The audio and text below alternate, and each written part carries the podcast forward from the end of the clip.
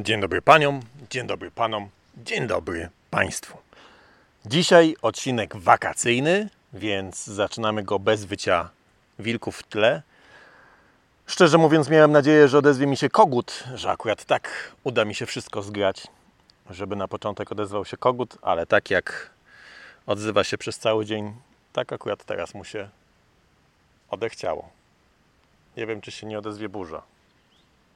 Skąd ja w ogóle nadaję? Poprzedni odcinek był z Chorwacji, były cykady. Dzisiejszy odcinek jest z ciszą.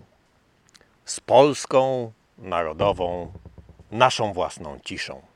Nadaję do Was y, ze wsi, z Mazur Garbatych, pod Ełkiem, gdzie tymczasowo jeszcze mieszkamy. O czym będzie dzisiejszy odcinek? Dzisiejszy odcinek będzie o tym, dlaczego autostop powinien być przepisywany przez lekarzy jako lek na lęk przed światem, może jako odtrutka na tą masę negatywnych informacji, jaką codziennie dostajemy w mediach, jako taką pomoc w uwierzeniu w to, że ludzie jednak są dobrzy i chcą dla nas dobrze i nam często pomagają. I tego wszystkiego zdecydowanie uczy autostop, co pokazała chociażby nasza ostatnia podróż z Asią przez Norwegię. Poleciliśmy do Norwegii, żeby przez kilka dni e, pochodzić po górach. Co tam się stało? Zaraz Wam opowiem. Chciałem jeszcze Wam tylko powiedzieć, jakie będą mm, kolejne przygody, o czym Wam dzisiaj opowiem. Opowiem Wam o Norwegii, opowiem Wam o tym, jak złapałem prezydenta Estonii na stopa. Opowiem Wam o tym, jak o mało nie załatwił mnie seryjny zabójca we Francji i o tym, jak e, policja pomogła złapać mi stopa w e, Argentynie. Wracając do Norwegii. E, Norwegia świeża sprawa z sierpnia tego roku. Polecieliśmy do, do Torp e, pod Oslo i pojechaliśmy stopem w góry na płaskowyż Hardanger Vidda.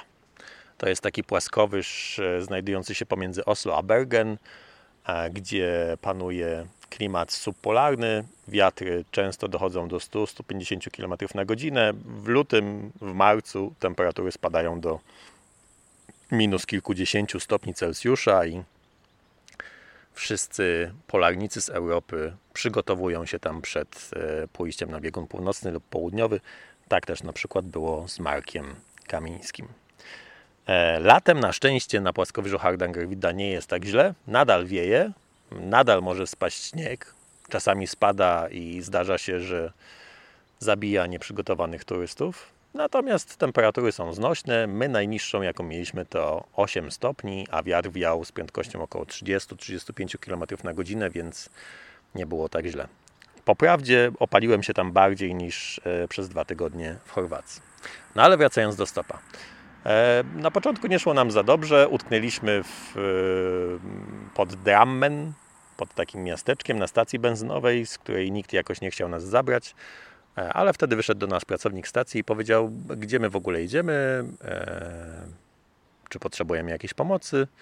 No i sam z siebie zaproponował, że zadzwoni po kumpla, który nas zawiezie na stację PKP. I rzeczywiście po 20 minutach facet po prostu przyjechał specjalnie dla nas na obrzeża miasta, zawiózł nas na stację PKP. Ale nie to jeszcze było najciekawsze, dlatego że później złapaliśmy faceta, który nas e, zawiózł pod płaskowyż Hardangervidda. Na imię miał Geir. E, wyglądał jak wiking, czyli właściwie byliśmy braćmi. No i Geir był e, nauczycielem e, w szkole podstawowej norweskiej. Tutaj taka ciekawostka. E, ile zarabia norweski nauczyciel? Ze stażem Geira, bodajże 12-letnim, zarabia około 100. Nie. Nie 100, chciałem źle powiedzieć. Zarabia po odciągnięciu podatków około 200 tysięcy złotych rocznie.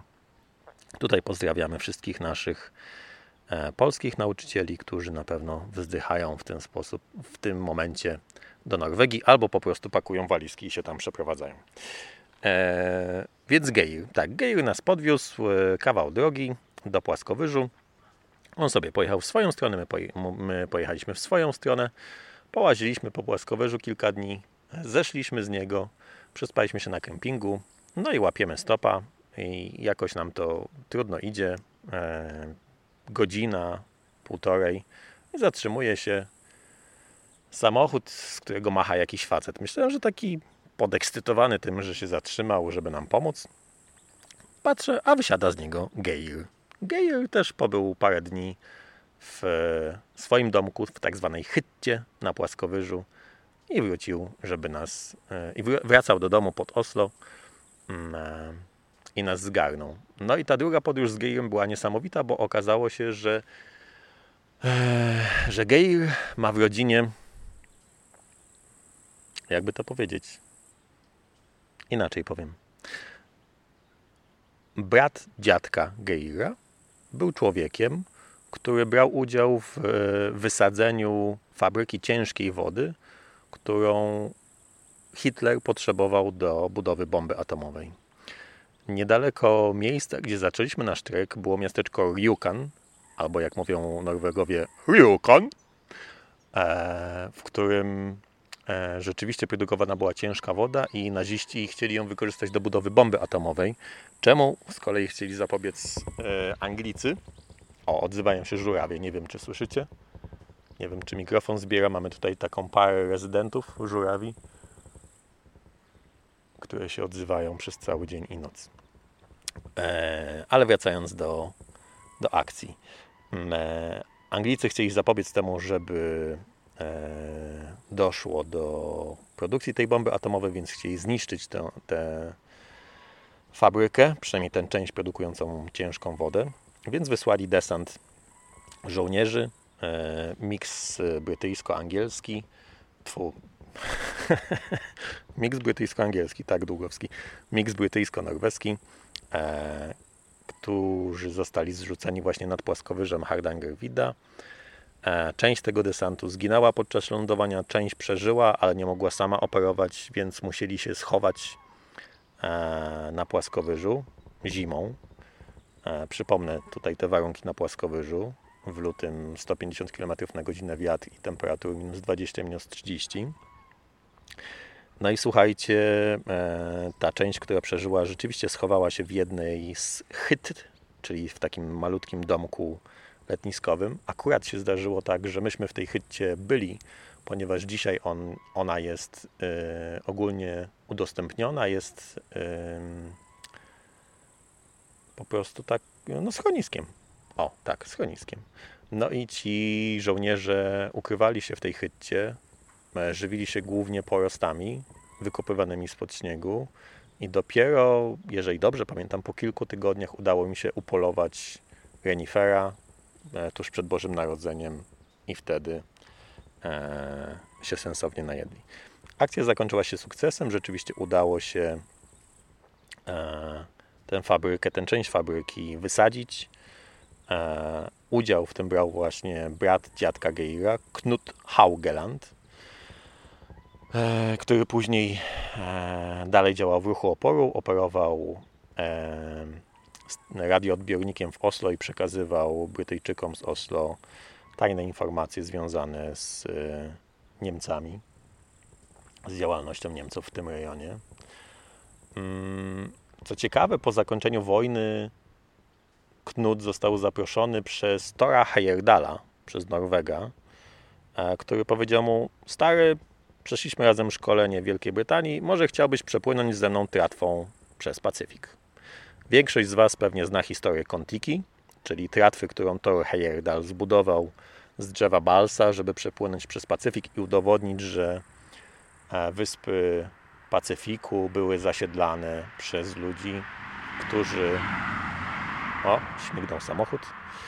Ostatnio wylali nam asfalt we wsi, więc teraz samochody śmigają profeska. Eee, tak, tratwa Kontiki, żeby udowodnić, że wyspy Pacyfiku były zasiedlane przez ludzi z Ameryki Południowej. Co im się rzeczywiście udało. Druga ciekawostka. Dziadek e, Geira po wojnie pracował w jednostkach specjalnych, właściwie w wywiadzie, był inżynierem i projektował e, łodzie podwodne, atomowe łodzie podwodne wspólnie z Amerykanami, z Brytyjczykami, z Francuzami, a także zaprojektował cały system wczesnego ostrzegania, takiej echolokacji, e, która miała za zadanie raportować o łodziach podwodnych rosyjskich zbliżających się do norweskiego wybrzeża. Ten system był rozłożony wzdłuż północnego norweskiego wybrzeża i miał wyłapywać e, dźwięki, które wydawały rosyjskie, a wtedy radzieckie łodzie podwodne.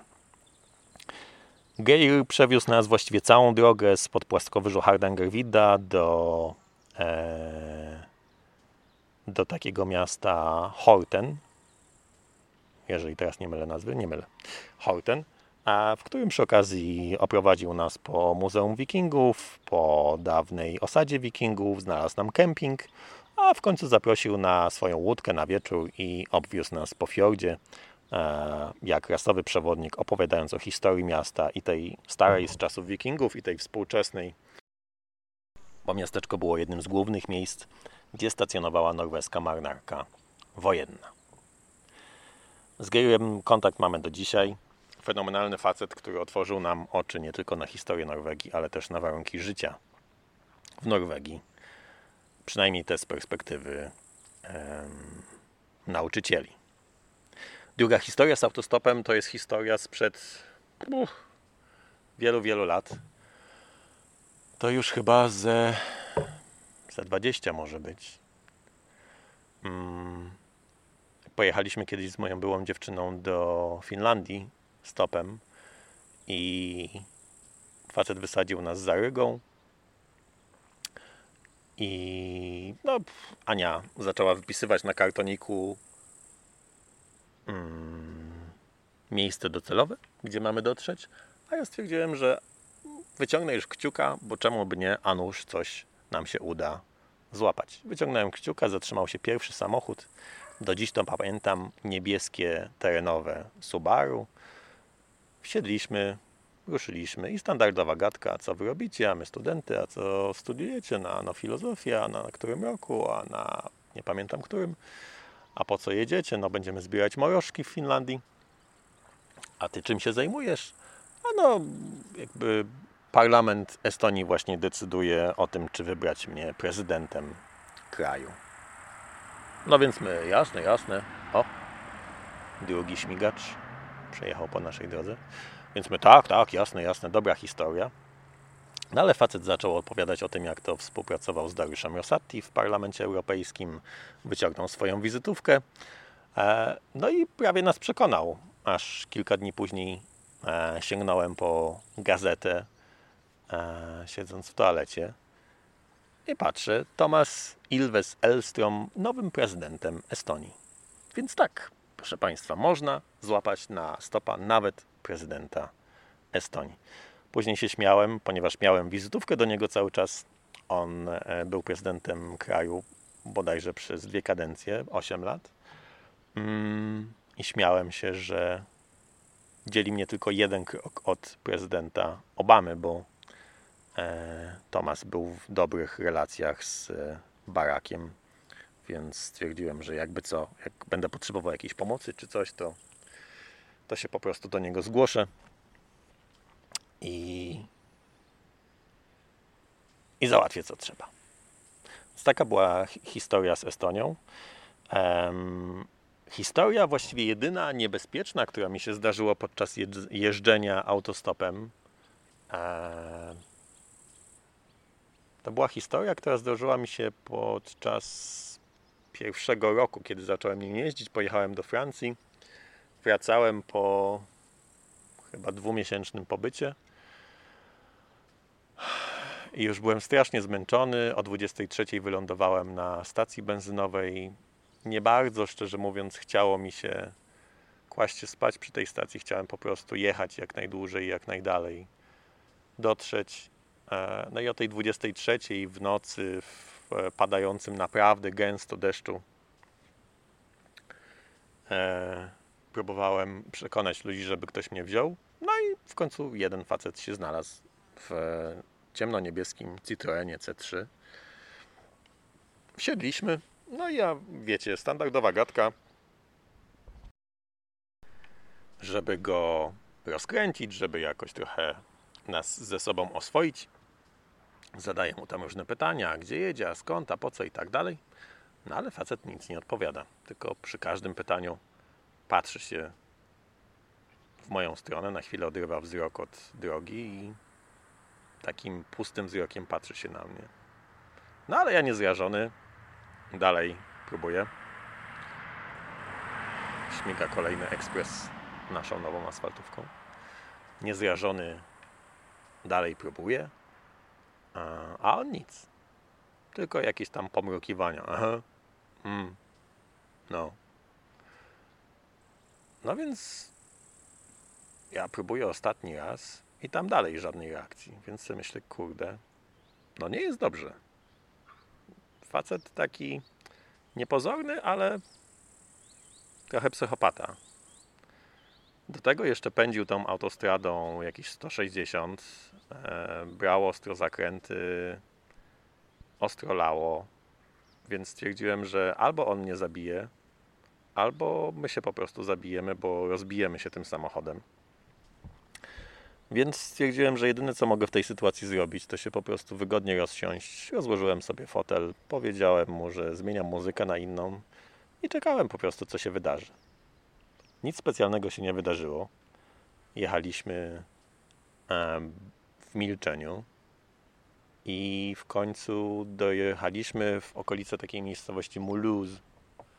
Po polsku to się chyba mówi Muluza na pograniczu francusko-niemieckim. No i on mówi, że on się tutaj zatrzymuje na noc, e, zostaje w hotelu. A, a co ja mam zamiar zrobić? No, ja w tym deszczu, to była jakaś, nie wiem, pierwsza, druga w nocy, nie bardzo miałem ochotę cokolwiek robić. Chciałem po prostu e, się wyspać. Więc mm, powiedziałem mu to, a on na to, że jak chce, to mogę z nim spać w hotelu. Ja jakoś totalnie straciłem, nie wiem, wyczucie bezpieczeństwa, moje BHP mi się wyłączyło i powiedziałem ok. No więc poszliśmy do hotelu. On wynajął pokój. To był taki hotel Formula One, bezobsługowy, w którym wszystko się opłacało kartą kredytową i otwierało drzwi automatycznie. Nie było żadnej obsługi. W naszym pokoju były trzy łóżka, dwa ustawione jedno nad drugim w piętrze, a trzecie obok na dole. Jakiś zdrowy rozsądek kazał mi wziąć, e, wyciągnąć z plecaka nóż myśliwski i spać z nim pod poduszką.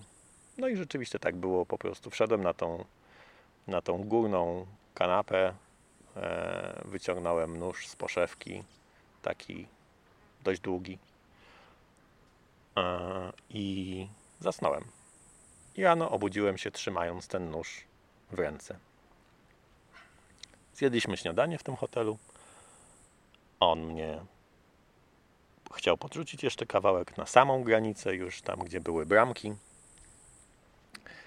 E, I jak wysiadałem z samochodu, już miałem tam, wiecie, wyciągnięte swoje bagaże i tak dalej. Już chciałem mu powiedzieć au revoir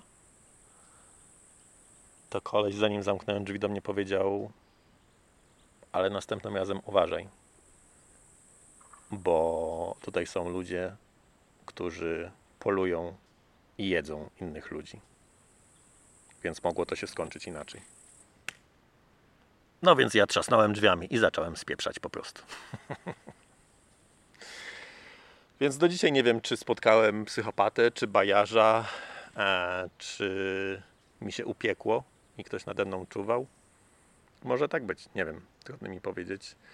W każdym razie to było rzeczywiście najbardziej niebezpieczne doświadczenie, jakie, jakie miałem. Poza tym przez 20 lat nie, nie, nie zdarzyło się nic, co by mi zagrażało. Co prawda, jest też tak, że no ja jestem kawał chłopa, prawie 2 metry, 100 kg wagi. Eee, teraz zarośnięty dość mocno brodą więc raczej e, mój wizerunek zniechęca do tego, żeby zrobić mi krzywdę. Ale to niekoniecznie musi się oczywiście przekładać na, na, na innych. Zawsze podziwiam kobiety, które samotnie podróżują stopem. Ale się dam. Spotkałem nawet raz bardzo atrakcyjną blondynkę, która podróżowała samotnie po Kolumbii w czasach, kiedy tym krajem rządziły raczej kartele narkotykowe niż urzędnicy. Eee, no, byłem pod wielkim wrażeniem i nic nic jej się nie stało. No i ostatnia historia, którą chciałem Wam opowiedzieć, to jest historia właśnie z e, Ameryki Południowej, z Argentyny. E, tam podróżowałem stopem, to był który rok? 2004. Chyba tak, 2004. E, jechałem przez Argentynę z Buenos Aires do Bariloche. To Bariloche to jest takie argentyńskie Zakopane, tylko że w Andach e, chyba ładniejsze jednak i ładniej położone. Ale nieważne. Łapałem stopa, byłem kawał drogi jeszcze przed Bariloche. E, zostałem na kilka nocy na jednym z kempingów. No i tam poznałem rodzinkę, e, która na początku myślała, że jestem e, świadkiem Jehowym czy jakimś kaznodzieją, który przyjechał do Argentyny nawracać, ponieważ często czytałem książkę taką w czarnej, skórzanej obwolucie i oni myśleli, że to Biblia, a ja czytałem akurat tak oprawione myśli Pascala. Mm, no i jak, e, jak przyszło do mojego wyjazdu, to ojciec rodziny powiedział, że on mi pomoże z tym stopem. Następnego dnia rano przyjechał po mnie radiowozem w mundurze. Okazało się, że jest szefem lokalnej policji i zabrali mnie na wylotówkę z miasta i ustawili blokadę na drodze i zatrzymywali samochody i pytali się kierowców, gdzie jadą. Zatrzymali jednego, drugiego, trzeciego, aż w końcu trafili takiego, który jechał w moim kierunku do Neuken i powiedzieli mu, że w takim razie mają pasażera. I tak policjanci z Argentyny pomogli mi złapać stopa. Ach, jeszcze mam jedną e, bonusową historię, o której zapomniałem, bo do tej Finlandii z Anią jechałem latem, ale kiedyś też e, na pierwszym roku studiów pojechałem z nią e, zimą, dlatego że chcieliśmy dojechać do Rowaniemi chcieliśmy dojechać do Rowaniemi na 6 grudnia na Mikołajki, żeby usiąść Mikołajowi na kolanach i wypowiedzieć mu do ucha nasze życzenia. No i wyjechaliśmy z Poznania, wtedy studiowałem filozofię w Poznaniu. Dojechaliśmy do Suwałk, stamtąd zaczęliśmy łapać stopa, a zima wtedy była, o panie, minus 20 było. To naprawdę żeśmy marzli niesamowicie. E, no a ponieważ mieliśmy przy sobie łącznie 300 zł, to nie było nas stać na to, żeby cokolwiek wynająć, żeby e, gdzieś się przespać, więc jechaliśmy dzień i noc i po prostu przysypialiśmy, jak ktoś nam pozwalał w samochodzie. Albo po prostu marzliśmy. E, raz udało nam się przespać w przejściu do kibla na stacji benzynowej, e, bo już nie dawaliśmy rady. Udało nam się w końcu dotrzeć do Talina, e, a z Talina przepłynęliśmy promem do Helsinek.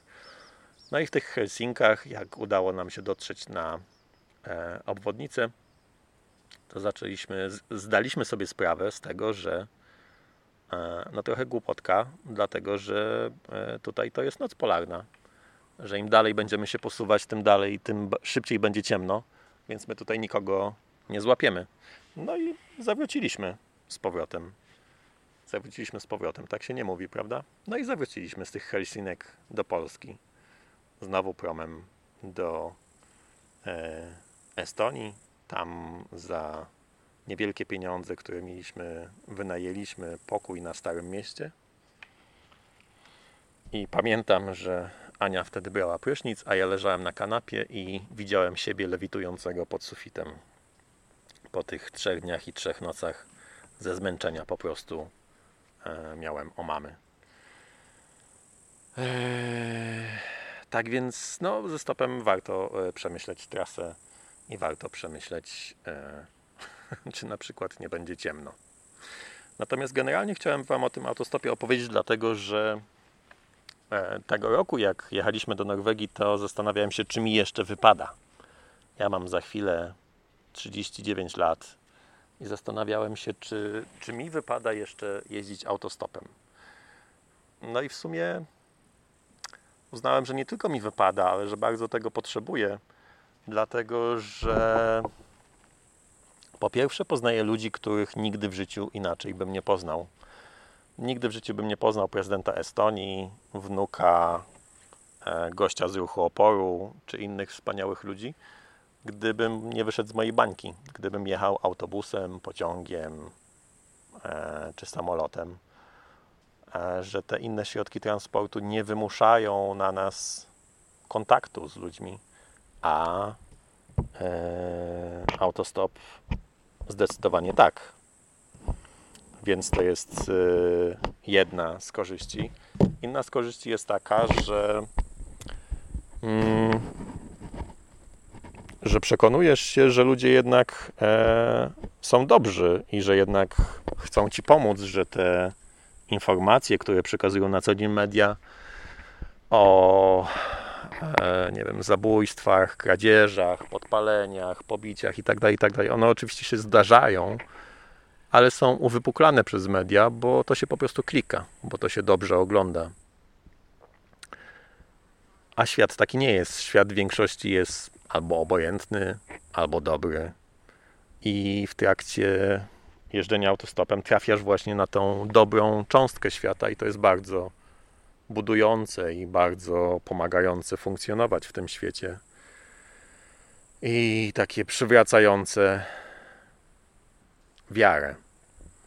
Więc choć wakacje się kończą, to zdecydowanie polecam Wam jazdę autostopem. Jeżeli nie w tym sezonie, to w kolejnym. Nawet jeżeli macie tak jak ja już koło 40, nawet jeżeli macie więcej.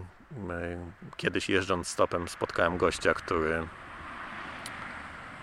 który miał dobrze po 60 i nadal z tego autostopu korzystał. Jeżeli chcecie podzielić się własnymi historiami, to zapraszam e, na Instagram albo na Facebooka Mikrowypraw.